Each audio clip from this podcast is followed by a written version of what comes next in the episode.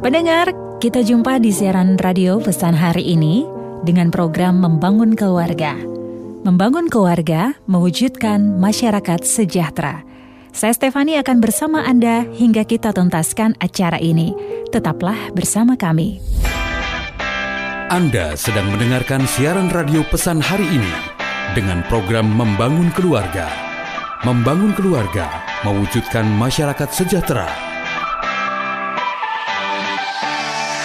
Hadir bersama saya Bapak Sukamdi dan Ibu Olin sebagai narasumber pada saat ini. Salam jumpa Pak Sukamdi, Salam Ibu Olin. jumpa kembali. Apa kabar?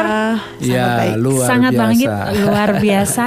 Ini selalu terpancar ya Iya. ketika kita sudah siap juga untuk berbagi banyak hal khususnya topik yang akan kita bahas pada saat ini. Martabat dan harga diri. Pendengar, Prioritas yang tertinggi dalam hubungan suami istri adalah mempertahankan martabat dan harga diri. Ada banyak pernikahan yang tidak berbahagia karena tidak adanya pengertian tentang bagaimana caranya menyatakan tekanan yang dihadapi oleh pasangan pada saat ia ingin menyatakan perasaannya. Namun, tiba-tiba yang dihadapi bukanlah pasangan yang mau menerima, tetapi lawan yang siap melecehkannya. Ibu Olin, bagaimana pendapat Anda tentang sebuah martabat dan harga diri dalam pasangan suami istri? Pendengar, menurut saya setiap manusia memiliki harga diri. Ya. Mengapa? Karena dengan harga diri ia mampu menjalin hubungan dengan sesama dan lingkungannya. Perlu dipahami bahwa manusia adalah makhluk sosial. Artinya, manusia tidak dapat hidup sendiri tanpa bantuan orang lain. Timbul pertanyaan, bisakah Anda hidup sendiri? Tentu saja tidak. Dengan siapa Anda bergaul, dari mana Anda akan memperoleh makanan dan minuman, ini adalah sebagian kecil dari berbagai pertanyaan. Ini membuktikan bahwa manusia membutuhkan orang lain bagi hidupnya. Demikian juga istri membutuhkan suami, dan sebaliknya, suami membutuhkan istri. Suami istri membutuhkan kehadiran anak-anak dan keluarga besar lainnya. Pendengar, dalam berelasi dengan sesama, entah suami istri dan anggota keluarga dengan anggota keluarga yang lain, maka setiap orang perlu menghargai orang lain atau saling menghargai. Nah, ini yang disebut dengan harga diri pribadi. Harga diri sebaiknya terjaga dan terbina dengan baik. Mengapa? Caranya dengan membiasakan melakukan hal-hal yang baik dan menghindari hal-hal yang tercela. Misalnya, berperilaku sopan, tidak sombong, uh, suka menolong, dan selanjutnya atau dan sebagainya. Baik, Pak Sukamdi, dalam relasi dengan pasangan, ya ini berpeluang besar ya ternyata pasangan kita itu membuat kita harga diri kita jadi tercoreng begitu ya, membuat kita akhirnya frustasi ya Pak ya. Ini berdasarkan pengamatan Anda, bagaimana tanggapan Anda? Pasangan yang orang yang terdekat dengan kita berpeluang besar nih Pak, membuat harga, harga diri kita menjadi rendah. Ya, eh, memang dalam ke, eh, 10 kebutuhan hidup manusia, maka yang tertinggi selain daripada sembilan yang lain itu yang tertinggi itu adalah pengakuan harga diri. Orang boleh miskin, tidak punya apa-apa, tapi kalau harga dirinya terinjak-injak, itu menjadi masalah yang luar biasa. Orang kaya sehebat apa pun, kalau tidak diakui harga dirinya, dia seperti orang kaya yang tinggal di hutan, yang tidak bisa menikmati apa-apa. Sepi ya Pak? Jadi nampaknya memang harga diri itu adalah satu-satunya harga yang bernilai tinggi yang dimiliki oleh manusia lebih daripada apa yang dimiliki. Karena harga diri itulah yang mengangkat harkat martabat kita, status kita, posisi kita, dan kehadiran dan keberadaan kita di masyarakat. Nah, oleh sebab itu pentinglah kita menyadari siapa kita, di mana kita dan bagaimana kita hidup. Ya, uh, Pak Kamdi, harga diri atau martabat dari pria dan wanita itu terletak pada apa sebenarnya? Apakah pada gelar sekolahnya, hmm, yeah. materi yang dimiliki, atau apa Pak sebenarnya? Ya, sering kali manusia punya persepsi yang salah tapi itu dibenarkan. Hmm. Harga diri saya naik kalau nanti saya menikah dengan pejabat. Hmm. Ya. Atau orang yang punya trah nengrat, uh, nengrat gitu ya. Darah biru Atau gitu ya. orang yang punya kekayaan. Seringkali kita tertipu bahwa sering uh, harga diri kita itu terangkat seolah-olah karena apa yang kita punya dan apa yang kita bawa. Seringkali mengabaikan nilai apa yang muncul dari kehidupan kita. Maka ada tiga hal penting bagaimana supaya martabat harga diri kita di dalam rumah tangga dalam pernikahan itu ditentukan oleh tiga pertanyaan. Yang pertama, dengan siapa kita ini bergaul? Yang kedua, di mana kita ini bergaul? Dan bagaimana kita ini harus bergaul? Ketiga hal ini sering kali menjadi sebuah standar tentang seseorang dan cara kita mengenalkan harga diri kita. Mm -hmm. Dengan siapa kita bergaul, di mana kita bergaul, yang terakhir bagaimana, bagaimana kita bergaul. kita bergaul. Wah, ini mempengaruhi nilai kita ya, harga diri seseorang. Iya, begitu ya. Orang bisa jadi tidak berharga, tidak bernilai dan tidak punya martabat bisa dengan karena dengan siapa dia bergaul. Kalau dia bergaul dengan orang-orang yang uh, penjahat, hidup dalam mm -hmm ketidakbenaran atau hidup dalam mendengar nasihat-nasihat yang uh, merusak dan sebagainya, mm -hmm, yeah. maka itu yang akan menjadi harga diri kita. Jadi nilainya jadi rendah dan kita nggak punya satu penghargaan dan martabat di mana kita bergaul itu juga menentukan tempat di mana kita bergaul, situasi dan waktu di mana kita uh, di mana kita berada itu juga akan mempengaruhi kita. Kalau kita di tempat lingkungan orang-orang yang maaf kata selalu uh, main maling ya, mungkin ya perselingkuh kemudian ya. uh, apa namanya itu mabuk kemudian berjudi dugem dan sebagainya Kata -kata kotor. ya itu akan akan menunjukkan bahwa nampaknya kita berharga tapi sebenarnya masyarakat mengatakan ini orang hidup sudah seperti sampah masyarakat mm -hmm. ya mm -hmm. dan yang ketiga bagaimana kita ini bergaul kalau kita bergaul cara kita seperti pencemooh, pemfitnah, penggosip, ya, ya kita tidak punya nilai. Di nilainya di situ. Ya, di situ. Nah, ini mesti penting kita harus selektif, harus hati-hati dengan siapa dan di mana dan bagaimana dalam pergaulan itu. Baik, karena ini yang menentukan siapa kita ya, Pak ya, iya, harga diri benar. kita di situ. Baik, Pak Sukamdi, seorang suami, wah ini menceritakan bahwa ada kasus dia merasa frustasi seorang suami yang frustasi karena istrinya seorang yang lebih dominan nih Pak dalam setiap hal. Sehingga ketika mereka sedang berbicara membahas suatu masalah selalu mengambil alih dalam pembicaraan. Selalu bertindak sepertinya sangat memahami topik yang dibahas. Nah, Hal itu juga terjadi di antara perbincangan dengan teman-teman atau mungkin keluarga besar nih Pak. Iya. Nah, apa yang harus dilakukan sang suami ketika istrinya nih lebih dominan nih Pak? Ya, penting sikap seorang suami di terhadap istri yang penting pertama menghindar selalu hindarilah bahwa istri kita itu bukan lawan tapi kawan istri kita ini bukan pesaing tetapi pendamping. Pendamping. Ya. ya. Istri kita itu bukan perongrong tetapi dia penolong. penolong. Nah, itu berarti mindset kita sebagai suami yang sudah uh, dikaruniai istri, tentu mindset kita mesti berubah, ya. Bisa jadi itu sebagai sebuah keistimewaan Mm-hmm. Maka saya katakan kalau istri kita ini pembicaraannya, perkataannya benar, itu membutuhkan bukan karena dia cerewet dan bawel, tapi sebenarnya ia sedang menyatakan fungsi dan tugasnya untuk menolong pasangannya. Jadi ini yang mesti harus dipahami bagi seorang suami sehingga kita selalu jangan berpikiran selalu negatif karena agresivitas uh, istri kita di tempat, di waktu, di cara Ya. di mana kita berada dalam pergaulan.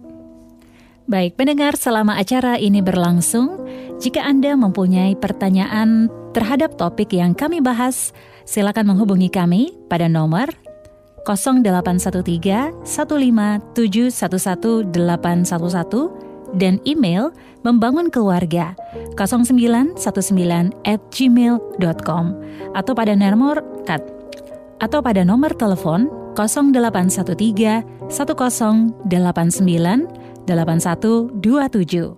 Email pesan hari ini 315 at gmail.com. Baik Pak Sukamdi, berarti perlu ada kesadaran dari sang suami ya berpikir bahwa istri saya ini bukan perongrong tapi penolong Ya. tapi pada kenyataannya memang jelas ini istrinya sangat dominan loh Pak sehingga akhirnya suami jadi frustasi berat ini Iya, makanya kita belajar mengenali karakteristik, perilaku, tabiat, dan temperamen pasangan kita. Nah, dalam psikologi pendidikan itu memang ditemukan sebuah survei begini. ya Memang kita bisa lihat kita menikah itu dengan anak nomor berapa. misalnya nih Pak Contoh, kalau saya ini anak nomor dua, Mhm. istri saya anak nomor satu, Ibu Oli nomor satu nomor satu. maka kita bisa lihat bahwa anak nomor satu itu jiwa nilai kepemimpinannya itu sangat besar. Leadership-nya Sangat- ya. di- Karena apa?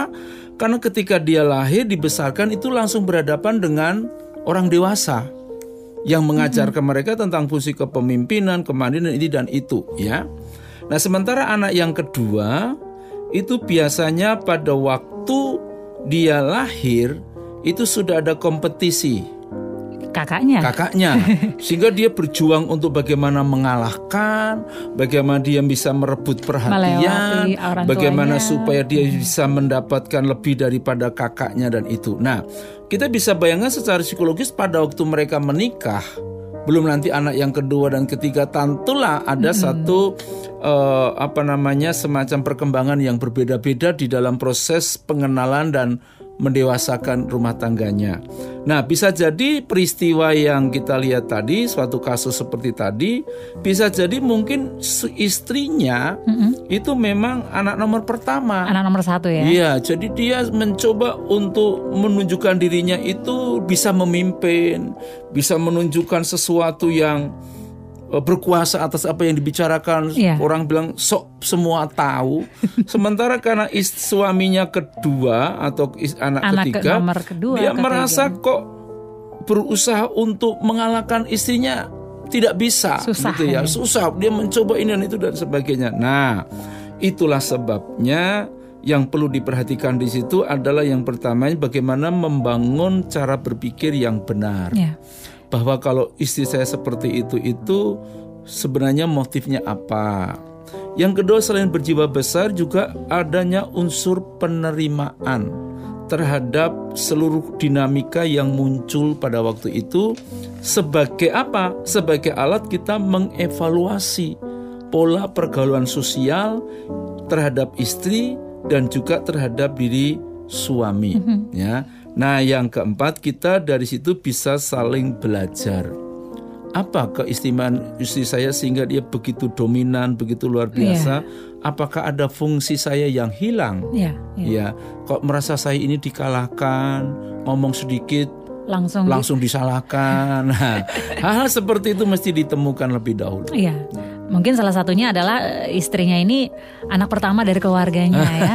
Tapi kalau selidik Iya. punya selidik, anak uh, istrinya ini anak terakhir nih Pak, tapi ternyata hmm. memang punya kebiasaan bicara yang lebih dominan ternyata ya. Ya, makanya Bisa kita jadi, mesti ya? mengenali. Makanya ya. belilah uh, apa, apa pilihlah itu, sebelum membeli itu ya.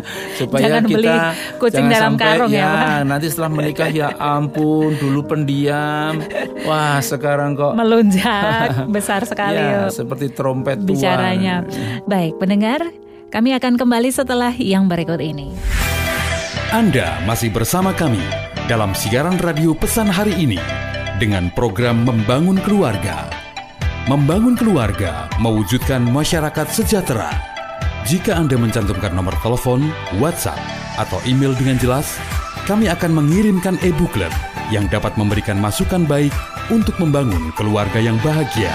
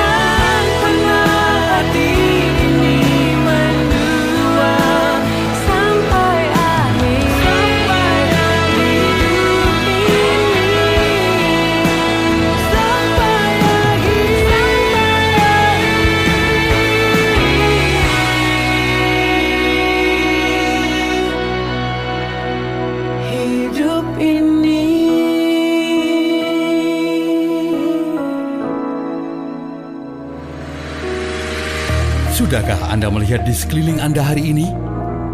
Ada begitu banyak yang indah untuk dilihat. Salah satunya adalah diri kita sendiri. Mungkin saat ini Anda sedang menghadapi keadaan tersulit dalam hidup.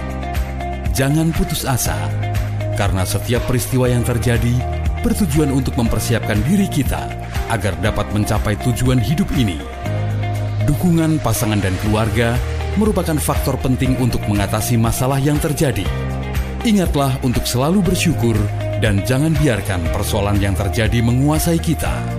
Jika Anda mempunyai pertanyaan terhadap topik yang sedang Anda dengarkan, hubungi kami 0813 15711 811 email membangun keluarga 0919 at gmail.com atau 0813 1084 8127. Email pesan hari ini 315 at gmail.com.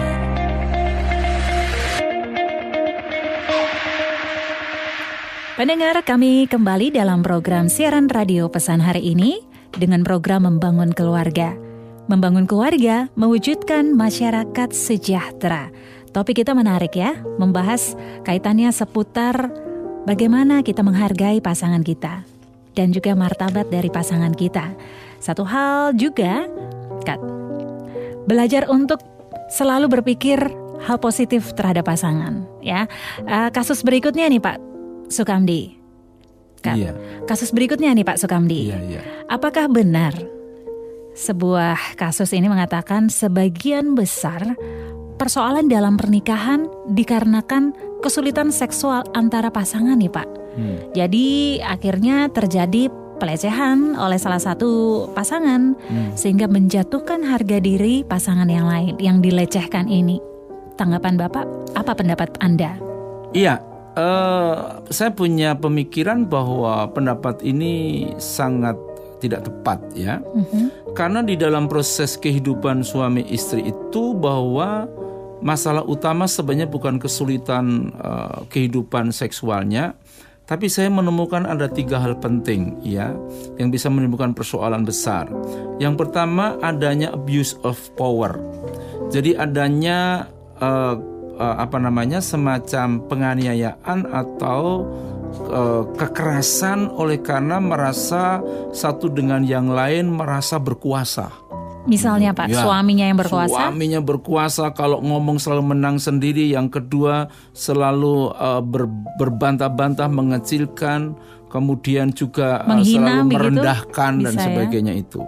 Yang ketiga, yang kedua adalah abuse of verbal. Artinya uh, bisa muncul karena persoalan komunikasi yang uh, satu dengan yang lain tidak pernah nyambung dan tidak pernah menghargai. Semua saling merasa bahwa perkataannya intonasinya tinggi, keras, kemudian cenderung untuk meng- eh, merendahkan dan sebagainya itu. Dan yang terakhir itu abuse of physical. Jadi lebih mencenderung kekerasan oleh karena penganiayaan fisiknya itu.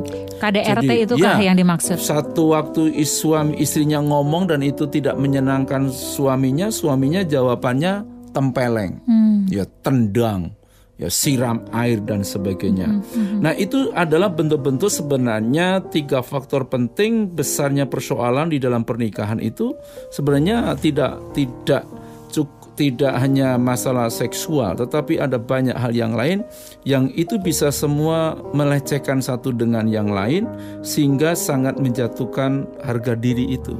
Ya. Ya. Pertanyaan selanjutnya Pak, apakah eh, abuse tadi eh, fisik itu bisa akhirnya mengarah kepada seksual juga Pak? Jadi Ya. kekerasan dalam Bisa Mm-mm. eh, seseorang bisa melakukan abuse of physical jadi melakukan tindak kekerasan penganiayaan fisik itu bisa jadi menjadi sebuah proses kelainan perilaku hidup ya seperti apa Ya, kelainan bisa perilaku? sampai kepada perilaku hidup dalam penyimpangan seks itu kalau dia ingin membangun keintiman dengan istrinya, istrinya mesti dipukul dulu sampai berdarah-darah, Waduh, sadis banget, Pak. di apa sehingga muncul dalam disfungsi orientasi seksual itu yang disebut dengan eh, perilaku sadisme.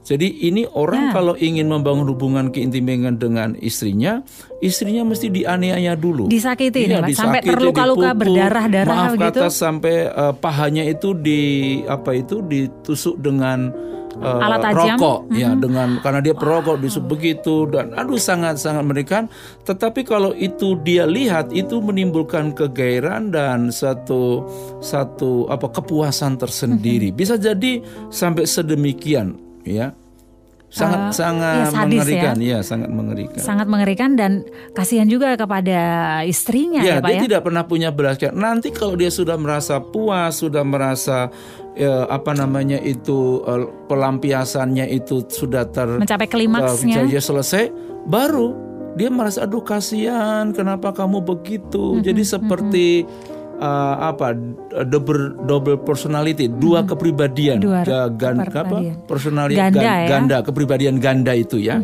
Nah ini memang uh, sulit dideteksi pada awal-awalnya, tapi kadang-kadang muncul setelah di dalam pernikahan. Maka pentingnya sekali di dalam komunikasi sebelum menikah atau pranikah itu masing-masing mengenali betul luar dalamnya dalam bentuk sifat karakter tabiat dan temperamennya. Iya, karena sengsara juga loh Pak ketika Oh, iya, mau ber- iya, iya.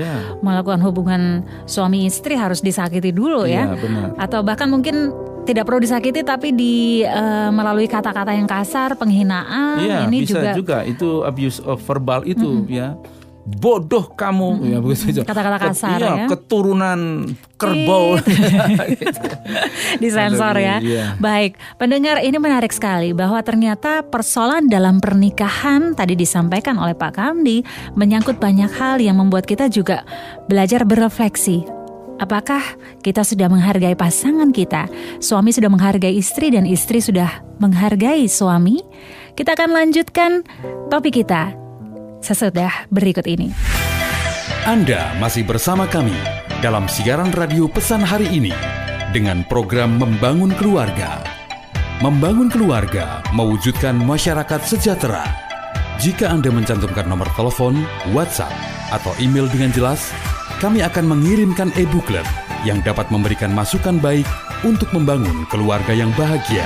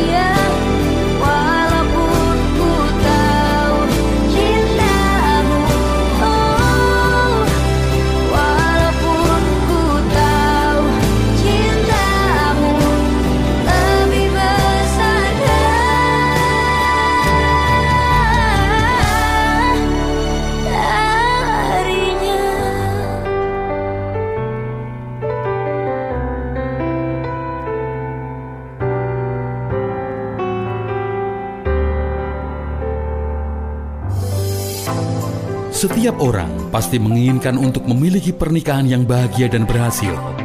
Tetapi jika tidak hati-hati, maka Anda akan terjebak dalam pemikiran bahwa hubungan yang bahagia adalah hubungan yang penuh kesamaan tanpa perbedaan.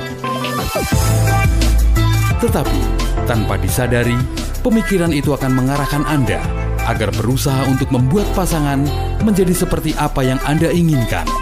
Oleh sebab itu, sadarilah bahwa setiap pribadi memiliki keunikan tersendiri, sehingga diperlukan usaha kedua belah pihak untuk saling menyesuaikan diri yang didasari oleh cinta kasih di antara pasangan.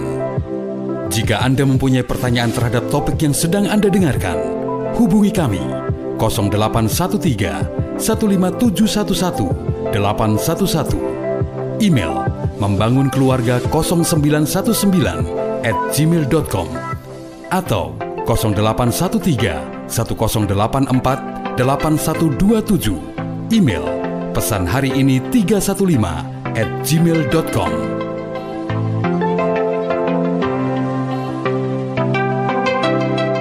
Baik pendengar, terima kasih Anda masih mendengarkan siaran radio pesan hari ini. Dengan program Membangun Keluarga, Membangun Keluarga, Mewujudkan Masyarakat Sejahtera. Baik Pak Sukamdi, apakah kesulitan seksual berdampak pada perselingkuhan? Nah, muncullah perselingkuhan kalau ternyata suami dan istri ini tidak cukup puas begitu ya, atau mungkin salah satunya tidak cukup puas sehingga akhirnya melirik rumput tetangga yang lebih liar, lebih subur mungkin begitu Pak. Walaupun ternyata saling mencintai juga sebenarnya. Ya, sebenarnya tidak bisa jadikan sebuah alasan kesulitan seksual itu berdampak pada perselingkuhan. Mm-hmm. Sebenarnya lebih ditimbulkan kepada niat dan hasrat seseorang yang tidak bisa dikendalikan. Dan yang kedua memang orang itu punya perilaku yang menyimpang, ya.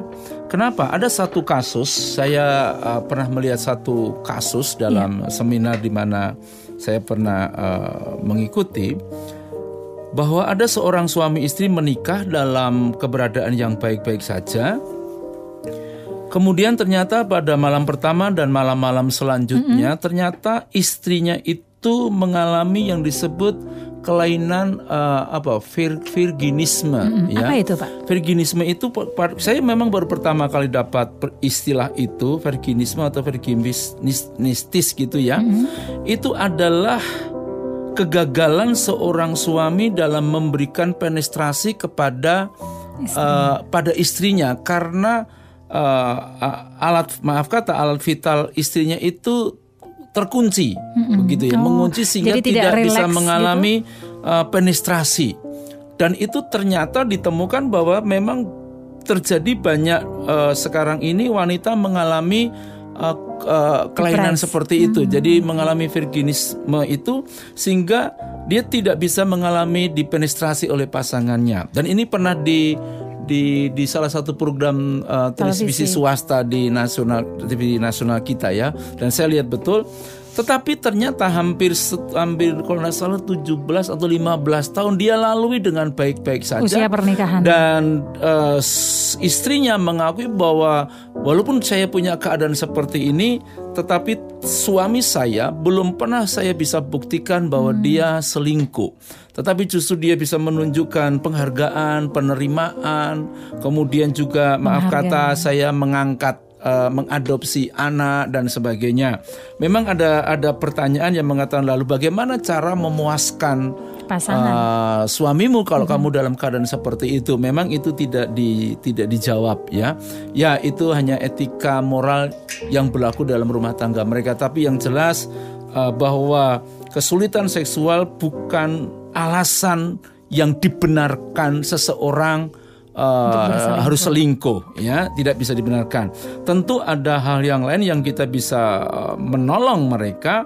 Bagaimana supaya satu terbangun satu mm-hmm. satu satu kegiatan yang betul-betul uh, tidak menunjukkan sebuah perilaku dan kebutuhan yang menyimpang. Itu harus diatasi bersama dijawab bersama dicalok-calikan solusi yeah. bersama.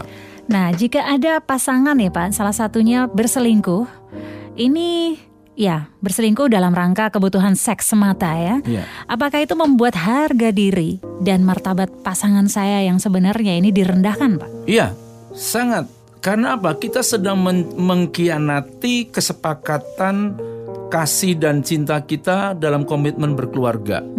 Yang kedua, sebenarnya kita berselingkuh itu sendiri sudah menunjukkan betapa rendahnya harga diri kita, ya. Mungkin orang mengatakan, "Loh, Pak, saya lebih baik kan beli daripada saya tidak terpuaskan ini dan itu." Itu hanya cara membenarkan diri, tapi sebenarnya masyarakat sudah akan menghakimi kita bahwa ini yang disebut pria hidung, Hidung belang belang. atau pria hidung pelangi dan macam-macam ya. Sebutan-sebutan Sehingga itu. dengan pasangan yang disebut dengan sampah masyarakat. Masa senilai itu nilai harga diri kita walaupun kita dipraktekkan, walaupun kita melakukan di bintang apa hotel berbintang 5 atau Ya. di luar negeri dan sebagainya. Tapi ingatlah bahwa integritas kita pada waktu kita melakukan hal-hal seperti itu sebenarnya kita sudah merendahkan bahwa tidak ada kepercayaan dan hanya mengembangkan menonjolkan sifat kesombongan dan keegoisan sendiri. Mhm. Dan bagaimana sebagai pasangan kita harus menghadapi godaan seksual, Pak? Ya, kita harus berani berkata tidak. Say kita no, harus berani tidak. mengatakan kita harus berani mengatakan bahwa istri saya lebih baik daripada perempuan yang lain. Kenapa kita tidak berani seperti itu? Itu menunjukkan bahwa kalau saya menghargai pasangan hidup saya, maka pasangan saya pasti akan menghargai saya. Kalau itu berarti berarti juga kita menghargai diri kita sendiri, Iya. bukan sebagai orang yang tidak punya prinsip atau sebagai pribadi yang murahan dengan harga diri yang sangat murah itu. Justru itulah integritas kita sebagai seorang laki-laki terhadap istri kita bahwa godaan seksual itu adalah hanya sebagai satu eh, tantangan bagi kita untuk berkata tidak. Ya. Menjadi ujian juga untuk apakah kita setia dengan pasangan dan berani untuk berkata tidak terhadap godaan seksual di luar sana ya Pak ya. Iya. Baik.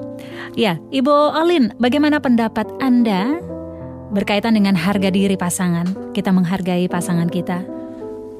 Pendengar, menurut saya sebagai pasangan suami istri, kita perlu memahami bahwa harga diri adalah sesuatu yang tidak kasat mata dan merupakan suatu bentuk pandangan secara utuh dan menyeluruh mengenai diri sendiri.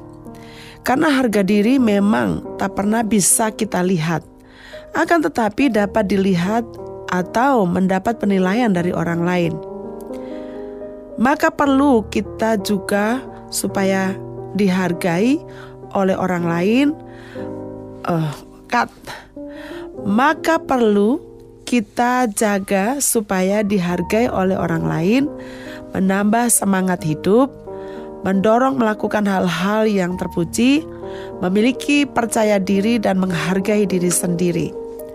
Perlu diingat bahwa sepantasnya kita sebagai manusia ciptaan Tuhan yang mulia, kita dibekali oleh adanya akal budi dan perasaan sehingga harga diri yang memang sudah melekat pada diri kita tak bisa diambil oleh siapa pun termasuk oleh orang lain.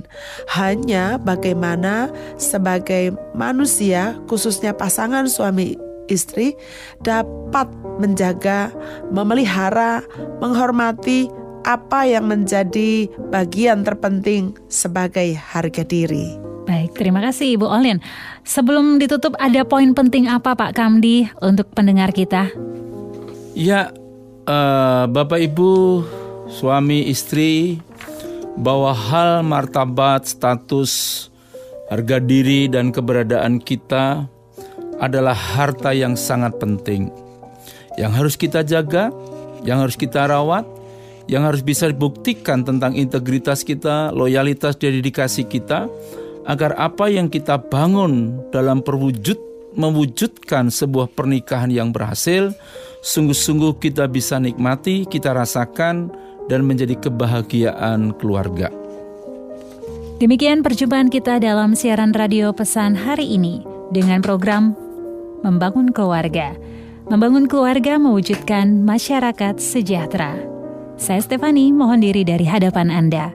Pesan hari ini memberikan arti dan nilai bagi kehidupan.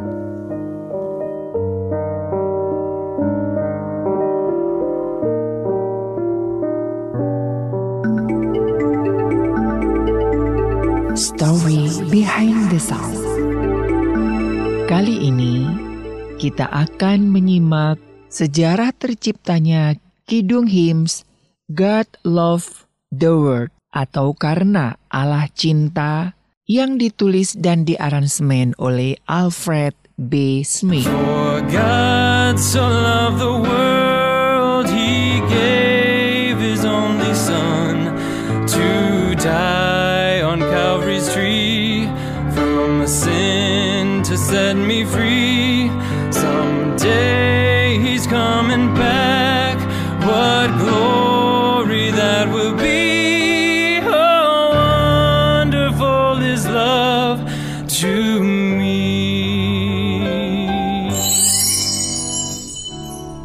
Sobat Maestro, Kidung Pujian God Love the World atau Karena Allah Cinta ditulis oleh seorang yang bernama Alfred Bernal Smith.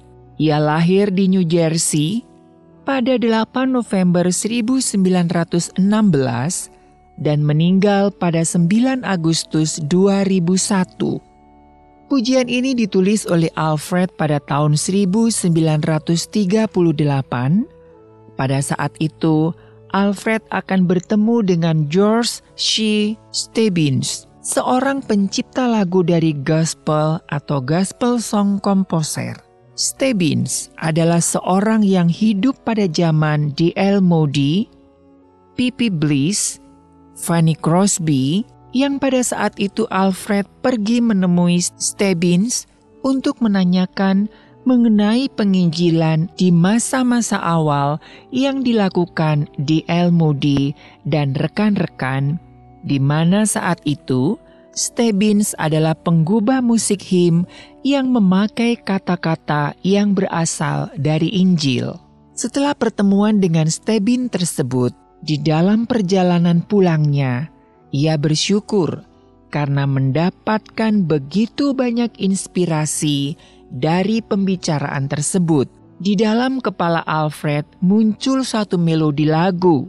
Maka Alfred dengan buru-buru pergi ke gereja memainkan melodi lagu tersebut di atas piano dan kemudian ia menuliskan syair pada lagu tersebut. For God so loved the world, He gave His only Son to die on Calvary's tree from sin to set me free. Someday He's coming back. Lalu Alfred berhenti menulis syair lagu tersebut karena kehilangan kata-kata untuk ia lanjutkan. Tetapi Alfred sudah menulis syair penutup tersebut dengan Wonderful His Love to Me. Ketika ia meninggalkan kertas lagu di atas piano itu, ada dua orang kakak beradik datang ke gereja itu dan melihat apa yang sedang ditulis oleh Alfred. Dua orang tersebut bernama Grace dan Frances Townsend. Kemudian Frances menambahkan kalimat yang kurang itu dengan "What glory that will be." Setelah kejadian itu, Alfred B. Smith mengatakan bahwa nama Frances Townsend akan terus dicatat sebagai penulis lagu ini juga. Sobat Maestro, kiranya kidung pujian ini membawa adanya satu kebangunan rohani di dalam hidup kita, seperti apa yang dialami oleh Alfred setelah ia bertemu dengan Stebbins. Sobat Maestro, inilah Kidung Hymns God Loved the World atau Karena Allah Cinta karya Alfred B. Smith.